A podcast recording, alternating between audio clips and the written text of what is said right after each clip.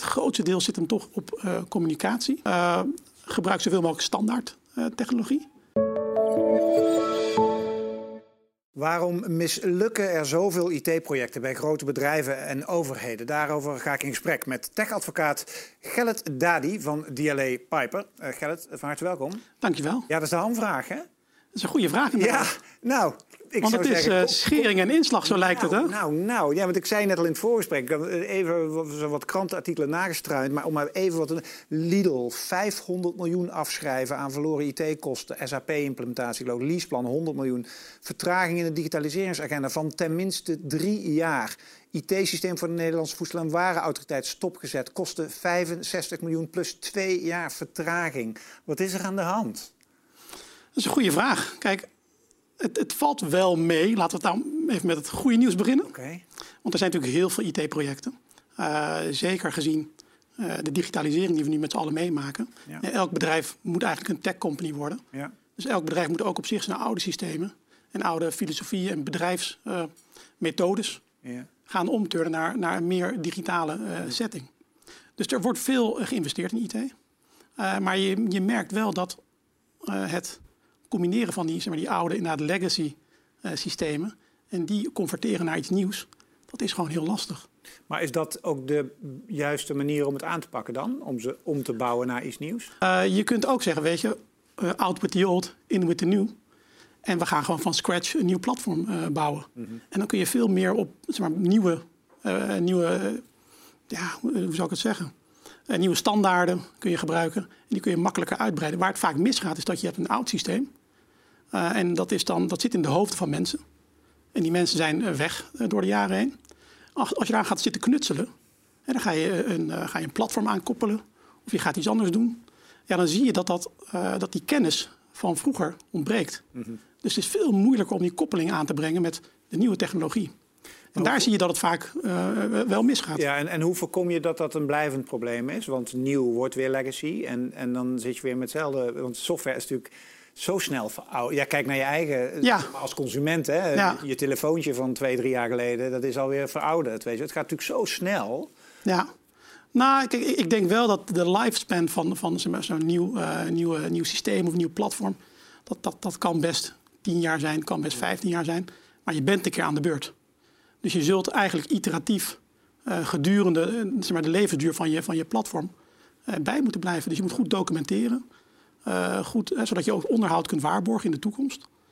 Uh, dus het is met name niet alleen maar zeggen stip aan de horizon mm -hmm. en over vijf jaar zijn we weer aan de beurt. Mm -hmm. Je moet juist gedurende de rit die organisatie op peil houden, de kennis op peil houden, zodat je inderdaad kunt veranderen. Ja, laten we to toch even de pijn induiken nu. Hè? Want er gaat aan, ja, er gaat heel veel goed, maar dat is niet zo interessant om over te praten. Nee, ja. Goed gedaan. Goed gedaan. Goed, maar dan hebben jullie ook geen werk, kan ik me zo maar voorstellen. Want Kijk, vaak komen jullie in beeld als er wat fout gaat, toch? Dat is waar. Hm. Kijk, wat je wel vaak ziet is dat uh, zeg maar, die, de, de, de, de, de mislukte projecten die de krant halen... Ja. dat zijn wel vaak hele megalomane projecten. Ja, hoe kon, hoe, maar hoe kunnen die zo megalomaan worden? Want ik bedoel, 500 miljoen afschrijven. Ik bedoel, iemand die daar verantwoordelijk voor... Ah. Wat is daar misgegaan? Ik bedoel, en of het nou Lidl is, of, dat boeit me verder niet zozeer hoor. Maar 500 miljoen, weet je hoeveel uren? Ja, dat weet jij als geen ander. Ja, dat, dat, zijn, dat zijn best een aantal uur inderdaad. Zo, daar kun je toch heel internet voor programmeren?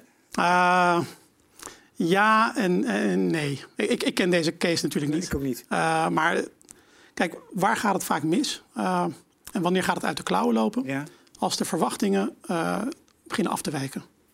En dan ga je repareren, dan ga je, dan ga je eigenlijk herstellen. Terwijl eigenlijk moet je ervoor zorgen dat het vertrekpunt juist is. En dat zie je vaak bij die, met name die grote megalomane projecten. Dan zie je dat het ofwel, het is vanuit bestuurlijk niveau ingegeven. Dus de Tweede Kamer zegt, wij moeten hier een wet voor hebben. Zonder echt na te denken of het IT-technisch nou ook, ook zo is in te, te regelen. Maar ja, uh, uiteindelijk is de politiek, hè, die moet dan daar toch uitvoering aan geven. En dan zie je dat die verwachtingen niet helemaal kloppen. En dan ga je maar wel mensen op, op, opstoppen. Want ja, een dienstverlener wil natuurlijk gewoon diensten verlenen. En die wil gewoon, ik denk naar eer en geweten, dat project goed afronden. Maar als je het vertrekpunt niet goed hebt, en dan kun je daar, daar uren tegen aanspijkeren. Maar dan ga je het nooit echt, echt goed krijgen. Je zegt daar net iets tussen neus en lippen. Want um, is dat zo? Want de, hè, dat ze allemaal naar eer en geweten handelen. Want als ik dit soort bedragen hoor, dan kan ik me ook even... even we pakken allemaal alle kanten wel. Maar als ja, ja. ik naar de leverancierskant kijk... Dan denk ik van waar ligt daar de verantwoordelijkheid? Dat je op een gegeven moment ook tegen een klant, tegen, ik, bedoel, ik ga ervan uit dat de leverancier verstand van IT heeft, dat je op een gegeven moment tegen een klant zegt van nou weet je, na 100 miljoen eh, zullen we maar eens even kappen of terug naar de tekentafel. Of in ieder geval voorkomen dat je straks 500 miljoen moet afschrijven. Ik denk wel dat dat... dat, dat uh, kijk, je hebt een hele oude, oude arrest van de Hoge Raad. Ik denk van ja, of ik denk 30, 40 geleden. Mm -hmm. En daarin is eigenlijk de zorgplicht van de IT-leverancier uh, uiteengezet. En een van de kernpunten is inderdaad dat je, dat je ook moet zeggen, soms tegen je opdrachtgever, dat doe ik niet. Want dat kan ik niet. Of het is niet verstandig om het zo te doen. Ja. Dat je dus uiteindelijk die opdracht moet teruggeven. Nou, nu zie je wel dat, dat, dat zeker in, in, in de politiek, uh, door de politiek en door dat, maar, het maatschappelijke speelveld rondom IT en, en, en, en het geld wat erin in gaat, mm -hmm. uh, dat, dat partijen er wel kritischer in zijn geworden. Bijvoorbeeld, uh, je moet nu, en dat is een van de aanbevelingen, uh, na de Kamerenquête over IT, uh, mislukte IT-projecten. Mm -hmm. Je moet nu in je aanbesteding moet je als leverancier aangeven uh, waar je in het verleden een misser hebt begaan, waar je, waar je een ontbinding hebt gehad vanwege een wanprestatie. Dus, dus ook leveranciers zijn daar veel bewuster mee bezig mm. om te proberen die projecten zo goed mo mogelijk uit te voeren. Mm. Ik denk misschien 15 jaar geleden, dan is, was een IT-mislukking was eigenlijk een upsell geweest. Want dan kun, je, ja. dan kun je gewoon meer aan verdienen. Tuurlijk, handel is handel. Lekker door uh, modderen. Maar klanten worden ook steeds slimmer. En, ja. en, en, en, meer ontwikkeld op IT-vlak. Op IT hmm. Dus je ziet wel uh, die twee een beetje naar, naar elkaar toe bewegen. Hmm. Uh, en en dat, dat ook leveranciers wel beter hun klanten voorlichten. Meer aan de hand nemen. maar ja, het, gaat, het blijft IT. Het blijft ongrijpbaar. Dus het blijft ja, ook... zo? Ik vind het ook altijd zo'n excuus. Ik denk van ja, hoezo is IT ongrijpbaar? Volgens gewoon code. Gewoon nulletjes en eentjes. Dat is toch zo hartstikke grijpbaar? Ja, dit, op zich de nulletjes en eentjes wel. Mm. Maar de verwachtingen van partijen niet. Nee, maar is dat, gaat het daar veel mis, verwachtingsmanagement, wat dan weer... Ik denk dat het, kijk, als je kijkt naar, er is heel veel onderzoek gedaan naar waarom projecten nou mislukken. Mm -hmm. En uh, het grootste deel zit hem toch op uh, communicatie. Ja. Uh, communicatie tussen de gebruikers van de organisatie en de IT-dienstverleners. En dat gaat naar allebei de kanten. Mm -hmm. stel je hebt een, een IT-project dat gaat over, nou, even willekeurig hè, de sluizen van IJmuiden. Hm.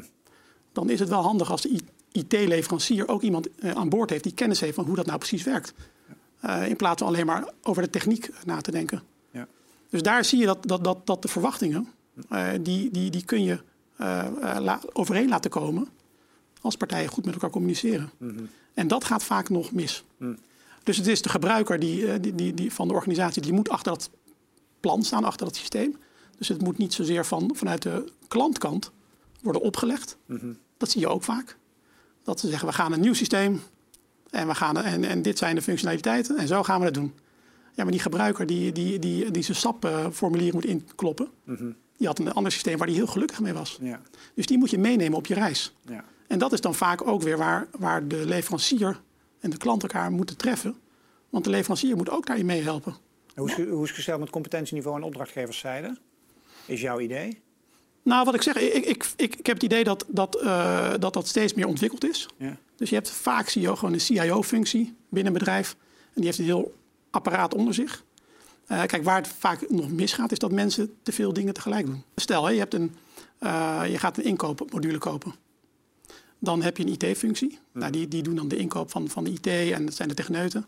Maar je hebt ook die procurement mensen nodig. Die, uh, die dan de, de, inhoudelijke invulling geven aan zo'n applicatie. Mm -hmm. En die moet je juist erbij halen, mm -hmm. zodat je kunt vaststellen: oké, okay, wat verwacht ik nou eigenlijk? Wat wil ik nou aan het eind van de rit als, als uh, systeem hebben? Wanneer functioneert het? En daar heb je die mensen voor nodig. En dat zie je nog te vaak, dat, je, dat mensen niet de tijd krijgen. Dus echt de, de vakinhoudelijke ja. gebruikers van, ja. van een toekomstige applicatie. Ja, bij de, de gebruikers. De gebruikers. De eindgebruikers. De eindgebruikers. Ja. Dat je die al aan de voorkant meeneemt in, op je reis naar, naar een werkende applicatie. En zijn nieuwe methodieken helpen die mee? Iedereen werkt tegenwoordig agile. En vroeger had je dan de watervalmethode hè, met projectmanagement. Ja. En nu hebben ze het allemaal agile, ja. Scrum, team, ja. weet ik wat allemaal. Is dat ten, hebben we daardoor betere IT-projecten? Uh, ik, voor sommigen wel, denk ik. Hmm. Kijk, het verschil tussen waterfall en agile. Waterfalls ga je eigenlijk van tevoren ga je uitstippelen. Uh, wat je gaat opleveren, wanneer het gaat opleveren. Je spekken en dan produceren Precies. en testen en is klaar. En dat, en dat, dat, dat werkt voor iets wat relatief standaard is. Uh, wat niet per se heel uh, modebewust is. Dat je niet snel gaande de rit andere inzichten krijgt, dan kun je dat best goed scopen en dan, en dan zo uitvoeren. En agile is veel meer dat je, eh, als je niet precies weet eh, waar het gaat eindigen, dat schip. eh, maar je, en je wil tussentijds ook kunnen meten waar we staan, eh, hoe het gaat met, met, de, met de ontwikkeling. Dan is agile inderdaad een wat beter eh, concept. Maar agile is ook een andere state of mind die je nodig Ja. hebt daarvoor. Ja. Dat moet je kunnen Ja. en dan moet je durven ook met name. Ja, en je zou, ja, precies. En, en je zou zeggen, als je het goed doet, dan kan het no way, want ik blijf mij verbazen, dat je 500 miljoen moet afschrijven. Kijk, bij agile kun je, kun je veel eerder de stekker Ja, eruit trekken. ja. Klopt. Ja, want, want, want ik nog één keer erop je- Waarom? Ja, ja, wa- ja, want kijk, ik kan me voorstellen dat iemand zegt... oké, we hebben een project van, eh, van 500 miljoen. Vind ik, vind ik al, het hele project 500 miljoen vind ik al bijna niet in te beelden. En dat er dan 3 miljoen uit de pas loopt, oké. Maar 500 miljoen afschrijven... Dan denk ik van, waar, daar, moet toch, daar, daar heeft toch iemand zitten slapen? Of ben ik nou... Nou, kijk, wat, wat, ik, wat ik heel vaak zie bij, bij van die complexe IT-projecten... Ja, eh, dan, dan is, dat zijn al vaak vrij kostbare projecten. Dus ik weet niet wat het startbedrag van, van, van, van, van die opdracht was. Maar even, niet, nee. maakt niet uit. Dus Nee. Je ziet vaak dat mensen gaan, dat heet dan doormodderen in, in, in, in onze doctrine. ja, ja. Dat betekent dat je, eh, je, je bent ergens in, in een proces. En dan heb je een soort point of no return, ben je al voorbij. En dan, dan heb je al heel veel geïnvesteerd. Dan, hef, dan is het management zit er al eh, diep in.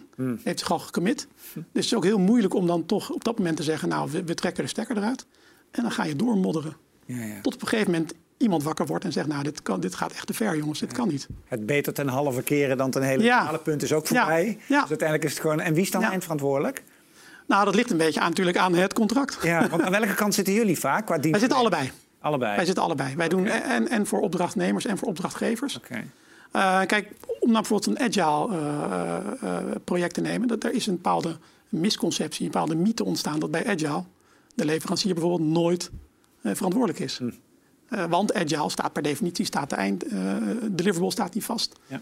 Termijnen staan niet vast. En de, de, de product owner, dat is vaak de klant, Ja, die bepaalt wat er per sprint gaat gebeuren. juist. Maar dan nog steeds heb je wel een soort overarching storyline. Waarin je toch wel een beetje. Dat is je achtergrond, dat is je, je, je, je hoofdlijn. dus ook de, de, de, de. Dus misschien heeft de leverancier niet een, een deliverable keihard van je moet dan opleveren. Nee. Maar hij heeft wel een zorgplicht. Hij moet wel zijn klant aan de hand nemen, adviseren over hoe je dat proces moet inrichten. Ja. En hoe het gaat. En inderdaad, wat we net eerder bespraken. Soms ook zeggen. Dit, eh, dit gaat het niet worden. Nee, moeten we misschien maar stoppen. En hoe, hoe stoppen. groot zijn de risico's aan het worden? Want ik krijg wel eens het idee, nu ben ik, eh, je merkt misschien wat het is. Ik vind het een heel interessant onderwerp. Met name omdat ik me vaak enorm verbaas. Maar tegenwoordig ook wel eens dat ik best wel bang word. Ik denk van, als ik kijk naar een belastingdienst of ik kijk naar een andere overheidsorganisatie, ik denk van, wanneer valt het een keer om? En nou kan het de Belastingdienst zijn, maar het kan ook de sluizen in Muiden zijn. Het kan, oftewel, IT zit natuurlijk overal in tegenwoordig. Wat voor risico's lopen we hier als, of dat nou de incompetentie is of door wat voor reden dan ook, IT-projecten mislopen en, en dat straks echt dingen Ja. fout gaan? Ja. Nou, op zich is dat is, is misschien wel is ook de reden waarom ik eigenlijk IT-advocaat ben geworden. Ja. Ik ben in eh, 1999, 2000 afgestudeerd. Toen hadden we eh, Y2K, Ja, de Millennium Bug. ja dat was wat, zeg. De wereld zou vergaan. Ja, ja, ja. Vliegtuigen zouden dat, ik was neerstorten. blij dat ik een kelder had. Ja.